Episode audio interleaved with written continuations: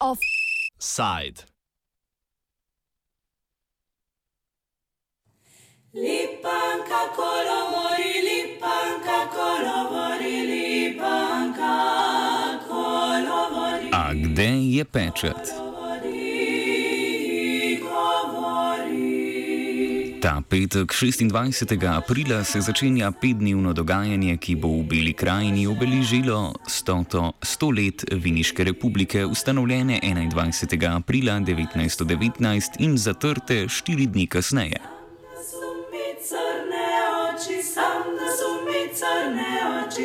Sedaj je zavladala pri nas svoboda.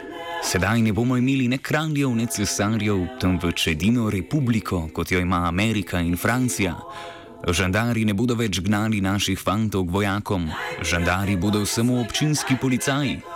Vojakom pa bo šel samo tisti, kateri bo hotel iti prostovoljno. Siliti pa se ne bo smelo nikogar. Tako sta bila 1. novembra 1918 pozdravljena bližajoči se konec Prve svetovne vojne in konec starega režima. Avstro-Ugrska je umirala, rojevala se je država slovencev, hrvatov in srbov.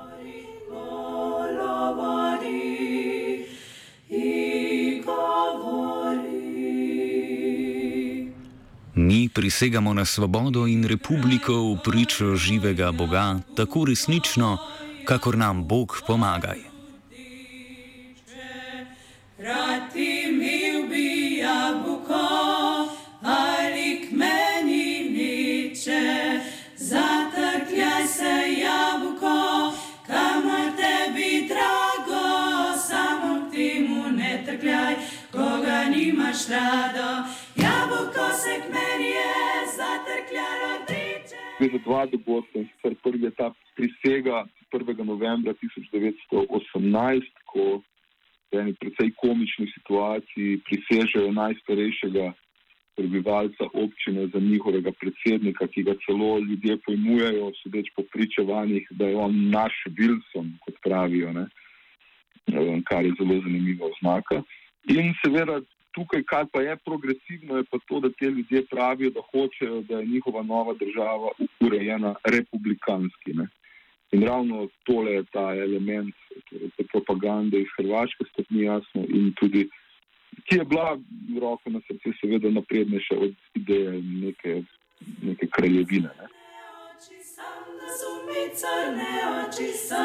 Govori Janez Weiss, zgodovinar v mestni muzejski zbirki Črnomelj in kitarist v skupinah Broken Lock in Usil. Weiss opiše politično dogajanje, ki je spremljalo konec velike vojne na slovenskem. Temi 18, oziroma konc poletja se pri vojna zaključuje, um, zadeve postajajo na bojiščih prej kot nejasne, skozi slovensko ozemlje današnje se umika ogromna količina vojaštva, uh, obstoječa država, za katero je bilo tedaj že jasno, da ne bo obstala, torej nje- njene urade je prevzela tako imenovana država SHS z narodnimi sveti.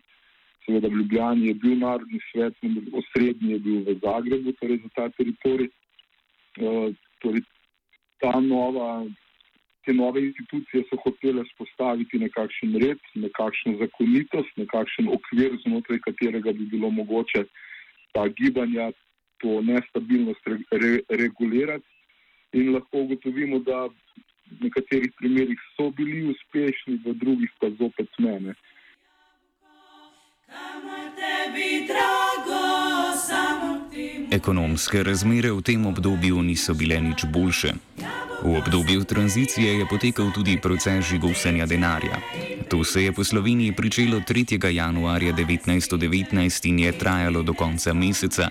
Namen pa je bil označiti denar, ki je bil v obtoku in preprečiti nadaljni vnos avstro-ugrskega denarja v državo.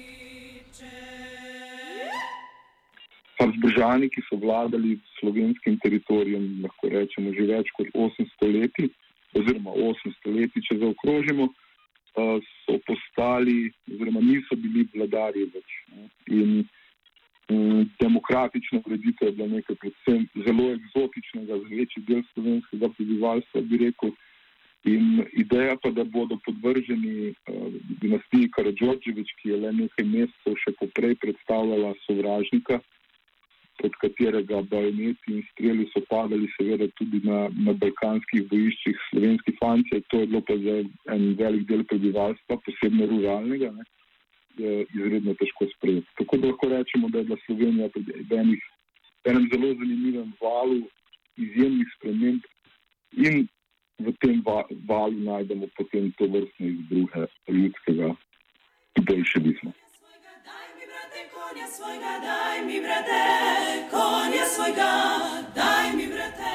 Nenadna sprememba političnega režima je bila šok za mnoge prebivalce, vajene stoletji Habsburške nadoblasti.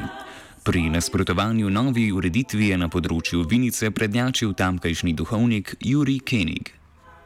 Ob teh nestabilnih političnih razmerah moramo omeniti še ekonomske. Gotovo je bilo, da je Slovenska razpadla, ni bilo jasno, kater denar je. Provizorično se je žigosalo starejši avstralski denar, ki je imel nekakšno trenutno veljavo, tako imenovane jugokrone. Um, vendar to je pri vseh, to je seveda ljudem ni navdalo z nekim občutkom stabilnosti, temveč ravno obratno, za popolnim, uh, za popolnim nek, ne, ne, neko prepričanostjo, da sistem preprosto ni kos razmeram.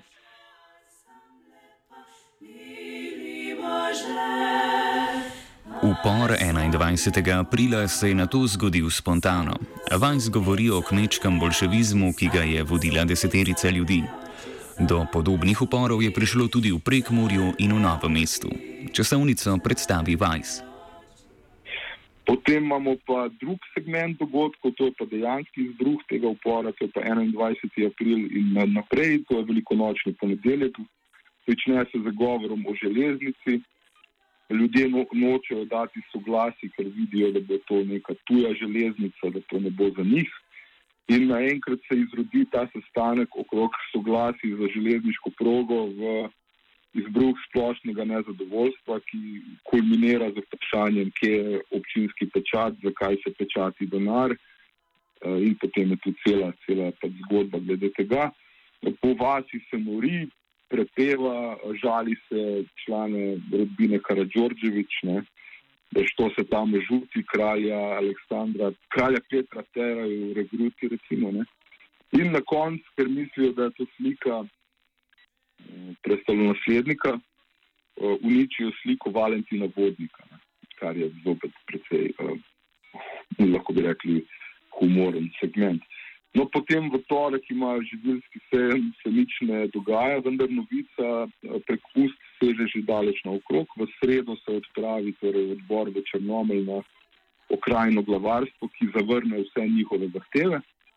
V četrtek se zopet ne dogaja nič posebnega, no v petek pa ukoraka eh, en manjši oddelek srpske vojske, kraljeve tedaj, uh, okupira tisti del, uh, torej ključne, ključne stavbe v mestu, oziroma pardon, na vasi, in, in uh, v soboto aretira kolovodje tega upora.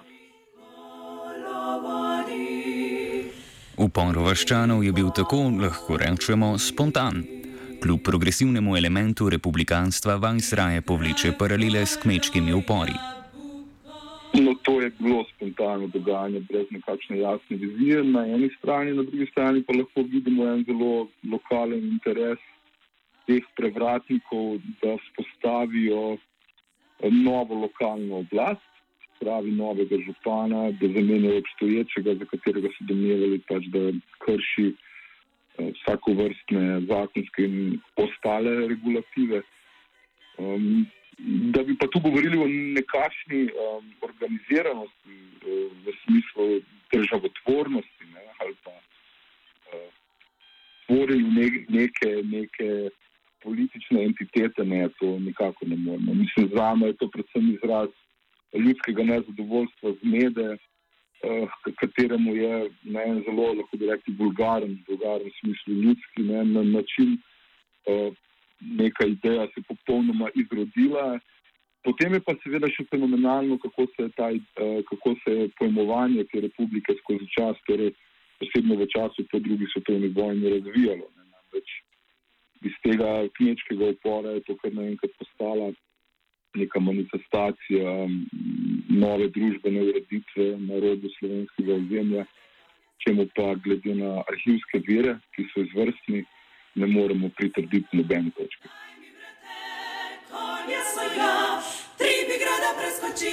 Ključen element pri netenju upora v Vinici, ki sta ga sprožili načrtovana gradnja železnice mimo Vinice in zmeda okoli žigosanja denarja, je bila geografska bližina hrvaške politične misli. O tem in drugih motivih republikancev znova Vajs. No, mislim, meni se je zdelo izredno zanimiv faktor tukaj prisotnost uh, politične misli, hrvaške politične misli. Torej, veste, tukaj, ko govori o republiki, dejansko govori o, o hrvatski republikanski seli, pu, pu, pučki stranki, ne, se pravi o o, o, bistvu, o idejah Stepana Radiča, ne, ki je že pred združitvijo Srbijo zagovarjal idejo, da mora biti nova država, kateri bodo pripadali Hrvati, Slovenci in seveda celotna Bosna in Hercegovina, spravi ta avstrogrski del nekdanje Jugoslavije, da bo urejena na, na, kot republika. Tudi tedaj so že prodajali našim prednikom idejo Švice, v smislu, da bo neutralna, ne bo imela vojske, ne bo se upletala v zunanje konflikte. In uh, ven so prišli tudi idejo, da če bo ta entiteta politična, nova, urejena, republikanska, da se bodo italijani umaknili iz enega tretjina, iz ene tretjine zasedenega slovenskega ozemlja.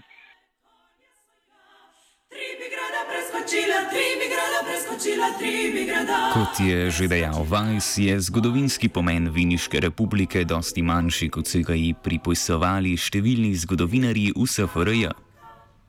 Je pa res zanimiv ta drugi vidik, ne, kako se iz takšnega dogodka potem um, v, kako bi rekli, nekaj desetletjih sprede nek mit. Uh, neka legenda o, o, o neki lokalni republiki, o nekem uporu. Ne, in recimo meni je bil posebno zanimiv stavek, če tukaj citiram mm, izvršnega sekretarja centralnega komiteja Zveze komunistov Slovenije, Slovenije Franca Šalija, ne, je ob 60-letnici rekel, citiram, čeprav je Viniška republika morala kloniti pod pritiskom grobe sile, niso klonile njene socialne moči, ni klonilo ljudstvo pod vodstvom delovskega razreda na čelu s komunisti. Zaključek citata. Tukaj ni bilo nobenega komunista, tu ni bilo social, nekih socialnih moči, ne. Tudi delovsk, o delovskem razredu bi lahko govorili, ker tukaj so bili v bistvu sami kmetje. Ne.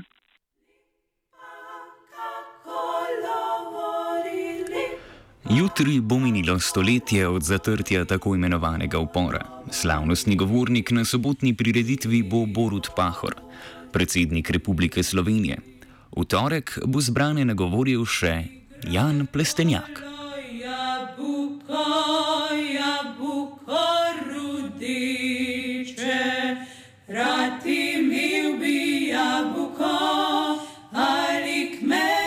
Viniška republika. Podpišem.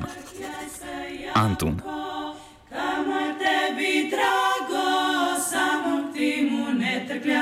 Koga nimaš rado, jabolko se k meni je zatrkljalo driče in prineslo meni je tri pehare striče